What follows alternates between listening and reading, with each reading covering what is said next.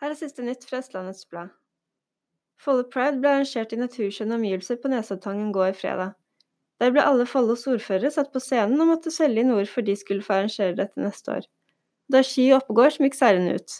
Dermed blir det Follo Pride i Nordre Follo i 2020.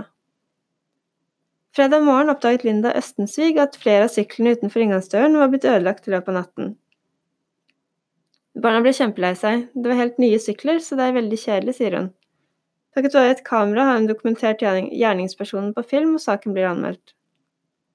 Arbeidene med å bygge opp nytt beredskapssenter på Taraldrud går etter planen, og nå har byggene fått full høyde.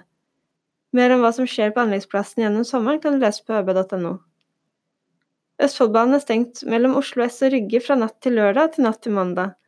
Den store sommerstengingen starter imidlertid først neste lørdag, den 29. juni.